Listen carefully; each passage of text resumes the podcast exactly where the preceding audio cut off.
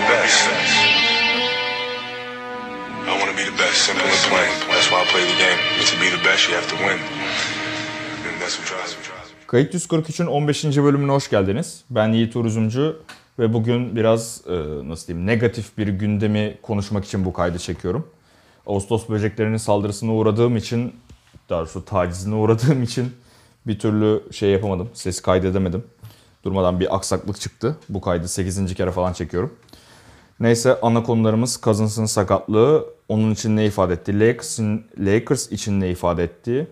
LeBron Davis'in bu 4-5 oynamamasının bu sezon bize çıkaracağı problemler ve Lakers'ın bu Cousins yerine alacağı potansiyel adaylar kimler? Bunlar hakkındaki düşüncelerim falan. Bunlardan bahsedeceğim biraz.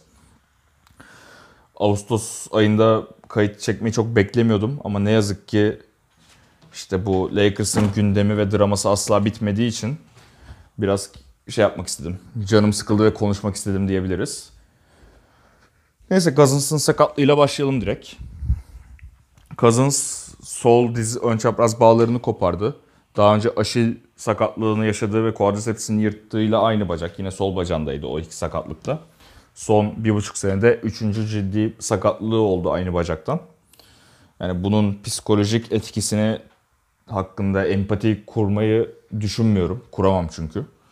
Ama hani sadece bir tanesi bile özellikle mesela Aşil tendonu sakatlığı bile bazı oyuncuların kariyerini bitirirken böyle 3 tane ciddi sakatlığı bir buçuk senede yaşamak bayağı problemli bir süreç oluşturmuştur Cousins açısından. Özellikle de bu şey modundaydı Cousins. İşte şu an kendimi çok sağlıklı hissediyorum. İşte rehabilitasyonum çok zorlu geçti ama başardım. İşte 82 maç oynayacağım bu sezon modundaydı. Bir 5'e 5 maçta öyle nasıl diyeyim formdan düşmemek ve işte antrenman maçında düz turnikeye girerken yani temas diz çarpışması falan diyorlardı ama videosunu izledim. Diz çarpışması çok net göremedim ben orada. Düz turnikeye girerken bir anda bacağından güç alamıyor ve yere yığılıyor. Bu çok problemli Cousins açısından baktığımızda. Umarım rehabilitasyonunu uzun tutar bu sefer. Çünkü hem Aşil'den hem de bu quadriceps yırtığından katkı verebilmek için erken dönmüştü Golden State'e. Bu sefer o hatayı yapacağını düşünmüyorum. Zaten ön çapraz bağ sakatlıklarından minimum dönüş süresi son 5 yılda 11 aymış. Bu Klay Thompson'ın erken dönmesini bekleyen Golden State taraftarları için de biraz e, nasıl diyeyim iç karartıcı bir tablo büyük olasılıkla. Neyse Cousins açısından baktığımızda da hani bu sakatlık silsilesinden sonra umarım bir buçuk iki sene rehabilitasyona ayırır. O da dönmeyi tercih ederse tabii. Dönmek istemezse de bence bunu herkes anlar. En azından NBA seviyesine dönmek istemezse. Böyle Çin'e gidip biraz para kazanmak isteyebilir. Çünkü çok ciddi kontratları kaçırdı bu aşil tendonu ve sonrasında yaşadığı sakatlıklarla. Ben bu sezon iyi bir sezon hani. Ortalama bir sezonu sağlıklı geçirirse böyle 15 milyon dolarlık falan bir kontrat alabileceğini düşünüyordum. Özellikle bu 2020 yazının piyasasının çok iç açıcı olmaması nedeniyle. Ama yapacak bir şey yok. Cousins sezonu kapadı ve biraz da bunun Lakers için ne ifade ettiğine bahsetmemiz gerekiyor. Bir kere ben Cousins eklemesini yani Cousins eklemesinden çok mutluydum aslında. Çünkü ne kadar hani Cousins'a negatif bakış açısı olsa da savunması açısından vesaire iki şey çok iki konuda çok net katkı verecekti Lakers'a. Birincisi işte bu Davis'in 5 oynamak istememesi, daha doğrusu 5 oynamayı sevmemesi, sevmemesi nedeniyle o pivotlarla ne bileyim Embiid'lerle, Towns'larla, Jokic'lerle boğuşabilecek bir pivot olacaktı. Onları posta savunabilecek, fiziksellik fiziksellik karşılığı verebilecek bir oyuncuydu. Keza Davis'in en ideal rolü, rolü o devrilen uzun olması. İşte çembere giderken onu savunabilecek kimse yok o devrilirken. Ve ona spacing sağlayabilecek bir 5 numarayı tercih ederdim onun yanına. Cousins bunu da sağlayabilecek bir oyuncuydu. Hem tepeden şutlarıyla hem tepeden pasörlüğüyle. Bunu kaybetti Lakers. Ve şu an hani Lakers için en bariz gidiş yolu aslında Davis'i 5'e çekmek. Yani bence ben olsam şu an Lakers'ın koçu olsam tabii ki bunun politik kısmı da var ama ideal senaryonun LeBron'un 4, Davis'in 5, Kuzma'nın 3 şeklinde başlaması olur diye düşünürdüm. Ama işte Davis'in 5 oynamayı çok sevmemesi ve bunu hatta bir basın toplantısında bariz bir şekilde dile getirmesi hem de LeBron'un 4 oynamayı çok sevmemesi Vogel üzerinde zaten Kid baskısına ekstra bir bas yani Kid baskısının yanında ekstra bir baskı daha oluşturacaktır sezon için. Zaten Lakers cephesinden çıkan açıklamalarda Lakers'ın Davis'i 5 oynamayı oynatmayı düşünmediği ve Cousins'ın sakatlığını yerine başka bir 5 numara almayı planladıkları yönündeydi. Ve zaten bu kaydı çekmeyi düşündürecek kadar beni sinirlendiren olay da burada ortaya çıktı. Dwight Howard'ı düşünüyor Lakers ciddi ciddi. Memphis daha onu buyout yani buyout yapmadı onu daha takımdan ayırmadılar. Ama bugün görüşme iznini almış Memphis'ten Lakers. Keza birkaç takım daha almış galiba ama ben sadece Lakers açısından okudum haberleri. Yani Dwight Howard'ın hem skill seti, o yetenekleri, yapabilecekleri konusundan baktığımızda hem de kişiliğine baktığımızda çok problemli bir ekleme cidden. Çünkü daha önce dediğim gibi Cousins'ın şutör katkısı vesaire varken Davis yine ideal rolünde oynayabilecek bir oyuncuydu. Ama şu an hani Howard ve McKinney yanında hep 4 numara oynayacaksa normal sezonda bu ciddi bir problem. Çünkü Davis asla ideal rolünde oynamamış olacak. Ve bu da hani ne kadar takımlar playofflarda taktiğimizi değiştirebiliriz, ideal şeye gelebiliriz. Ne bileyim işte normal sezonda yorulmayalım ama playofflarda o şey işte e, kontağı açabiliriz deseler de çok öyle olmuyor gerçek hayatta öyle şeyler. Çok az takım o kontağı cidden açabiliyor. Genelde çok ekstra yetenekli takımlar bunu yapabiliyor. Şu an Lakers'ın LeBron ve Davis dışında artık çok e, zayıf bir kadrosu var. Ben işte LeBron, Davis, Cousins, Kuzma varken skor dağılımı nasıl olacak bu kadar çok skorer varken diye düşünüyordum. Şimdi skor dağılımı çok bariz artık. Davis 1A, LeBron 1B şeklinde olacak diye tahmin ediyorum. Kuzma da 3. skorer olacak. O da zaten her ne bileyim röportaja katıldığı için her yerde de işte 3. yıldız olmak istiyorum, işte öyle planlıyorum, kendimi geliştirdim tarzı açıklamalar yapıyor. Ee, bakalım sözlerinin arkasında durabilecek mi onu göreceğiz. Ama bu üçlü dışında topu eline verelim ve şut atsın, skor etsin, perdeden çıksın, şut atsın vesaire gibi rolleri yapabilecek oyuncu kalmadı diyebiliriz. Yani bu konuda Lakers artık ben normal sezonda iyi bir takım olacağını düşünüyordum Lakers'ın. En büyük nedeni işte bu kadar skorer yani skor potansiyeli yüksek oyunculara sahip olmamızdı ve rotasyonumuzun geniş olmasıydı. Şimdi artık o esnekliğimiz yok gibi geliyor bana. Bu şeylerden bağımsız. Cousins yerine eklemelerimizden bağımsız bir problem zaten. Artık Davis ve LeBron'un hani maksimuma yakın seviyede istikrarlı bir şekilde oynaması gerekiyor. Bu da normal sezon için ve hani ikisi de sakatlıklara yatkın oyuncular değil aslında ama hani yine de sakatlık problemi yaşama ihtimalleri var. De LeBron'un yaşından dolayı ve geçen sezon geçirdiği o sakatlıktan dolayı. Davis de her zaman zaten sakatlık yaşama ihtimali olan çıt kırıldım bir oyuncu olmasından dolayı. O yüzden bir anda üzücü bir normal sezon bizi bekliyor. Daha zorlu bir normal sezon bizi bekliyor moduna girdim. Fikstürümüz açıklanmıştı bak ona değinmedim. Hani fikstürümüz güzel gözüküyor. Sezon başı ve sezon sonu kolay kısmen. Özellikle son birkaç sezonla karşılaştırınca baya kolay. O yüzden Lakers'ın hızlı girmesi gerekiyor sezona ve bence bunu sağlayacak en net plan işte LeBron'un 4, Davis'in 5 başlaması ama bu olmayacak tabii ki de. Çünkü Lakers asla yani hiçbir şey istediğimiz gibi gitmeyecek. Bunu her seferinde tek, kendime tekrar kabullendirmem gerekiyor galiba. Neyse buradan işte Davis'in 5 oynamama hikayesine gelirsek de aslında Davis 5 oynamam tarzı bir açıklaması yok. Davis'in 5 oynamayı sevmiyorum, tercih etmem ama koçum şey yaparsa hani Vogel'a dönüp söylüyordu hatta orada işte 5 oynamamı isterse oynarım tarzı bir şey diyordu. Vogel da situational ha ha falan yapıyordu. Davis'i bir şekilde 5 oynamaya kandırmamız gerekiyor bence.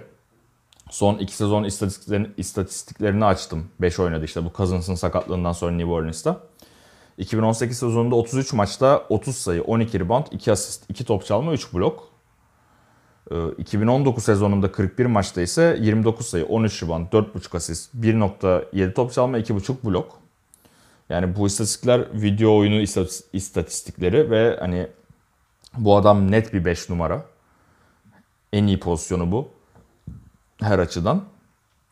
Ve bu yüzden hani Davis'in özellikle de hani kendini kanıtlama sezonu tarzı bir şey düşünüyorsa 5'e yerleşmesi gerekiyor direkt sezon başında artık bu durumda. Çünkü Lakers'ın buna ihtiyacı var. Eğer kazanmayı ciddi şekilde düşünüyorsa kazanmaksa tek amacı bu olması gerekiyor bence planın. Daha 26 yaşında sonuçta. Ne bileyim LeBron için yine biraz daha anlayabiliyorum load management kısmını ama Davis'in bu açıdan bakmaması gerekiyor. Ki yine basın toplantısında load management tarzı bir soru sorulduğunda öyle bir şey yok, öyle bir sınırım yok, gencim ben falan tarzı bir cevabı da vardı. Umarım Davis o beklediğimiz süperstar rolüne bürünür ve hani takım ne istiyorsa benden yaparım gocunmam der ve 5 numara oynar. Çünkü en iyi plan bu şu an artık geriye kalan planlar arasında. Ama buradan hani alternatif planlara baktığımızda en çok öne çıkan isim en azından Twitter'da öyle. Şamslar falan da bunlardan bahsetti yakın zamanda. Dwight Howard. Lakers Dwight Howard'la görüşmek için Memphis'ten izin almış. Ee, bu çok ciddi sıkıntılı bir ilişki bence. Hani 2012-2013 sezonu geçmişini hesaba katmazsak ki ona da değineceğim tabii ki de.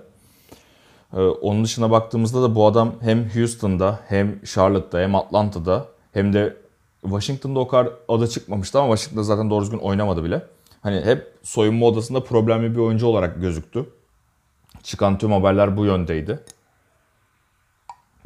Ben böyle bir oyuncu takımda genel olarak görmek istemem adından bağımsız olarak. Hani bu kadar çok takım değiştirmiş ve bu kadar ayrı senaryolarda hep problem olmuş bir oyuncu en azından öyle diyeyim. Aynı zamanda Howard'ın sağ içi uyumu da bence sıkıntılı. Çünkü Howard ıı, perde yapabilecek olan ama perde yapmaktan kaçan genel olarak.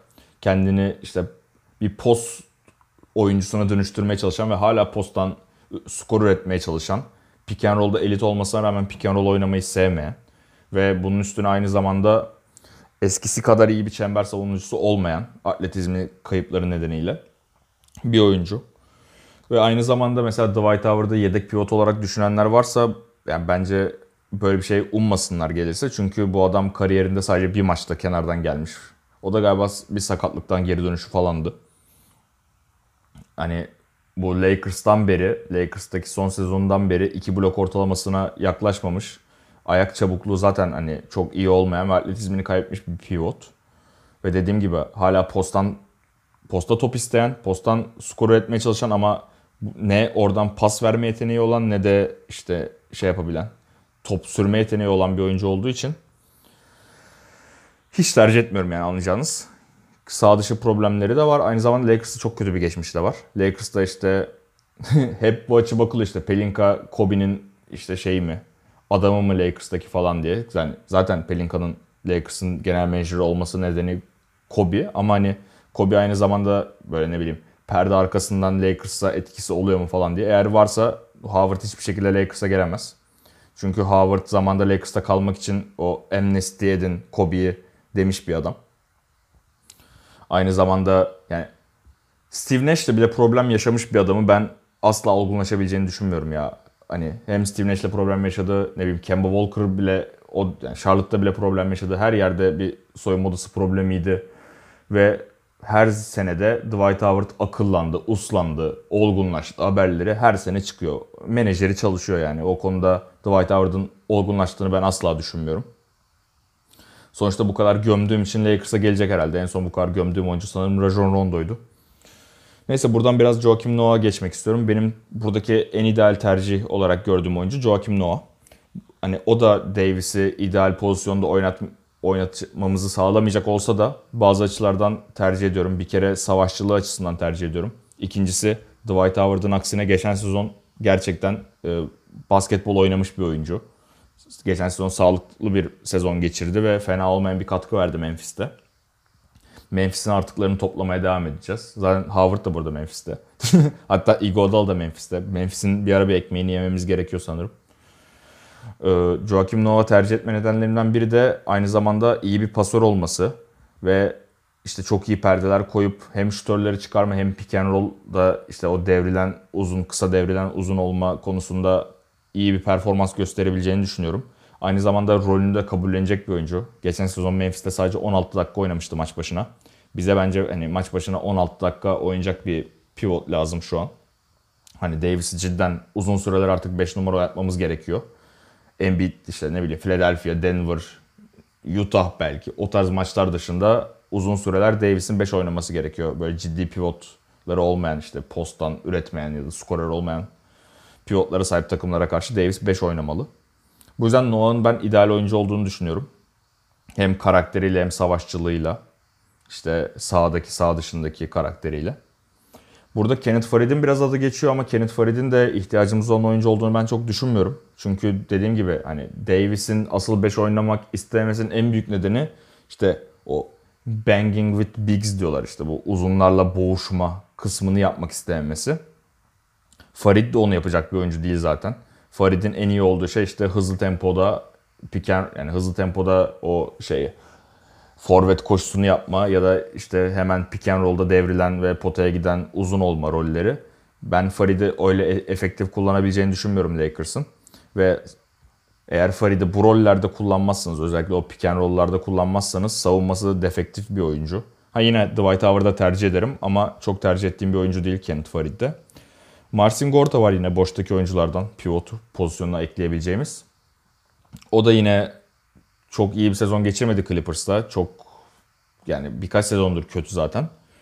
Ama en azından o da rolünü bilen, çok fazla süre almayan, oynamasa da çok problem etmeyecek bir oyuncu izlenimi veriyor bana en azından dışarıdan baktığımda.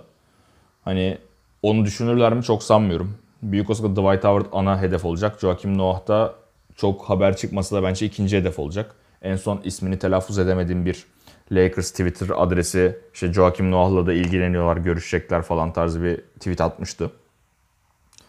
Dediğim gibi ben burada Joakim Noah tercih ediyorum. Zaten hani ikisinden de kim gelirse gelsin çok büyük bir katkı beklemiyorum. Sadece tam rolünün uyumasını istiyorum. Ama ben Dwight Howard istemediğim için büyük olasılıkla Dwight Howard gelecek. Genelde böyle oldu bu süreç. Ee, bu bölüm kısa olsun diye soru almadım işte. O yüzden burada keseceğim artık şeyi, kaydı. Zaten çok problem yaşadım. 8. kere falan kaydediyorum. Buraya kadar beni dinlediğiniz için teşekkür ederim. Biraz depresif bir kayıt oldu. Genel olarak zaten Lakers kayıtları böyle geçiyor.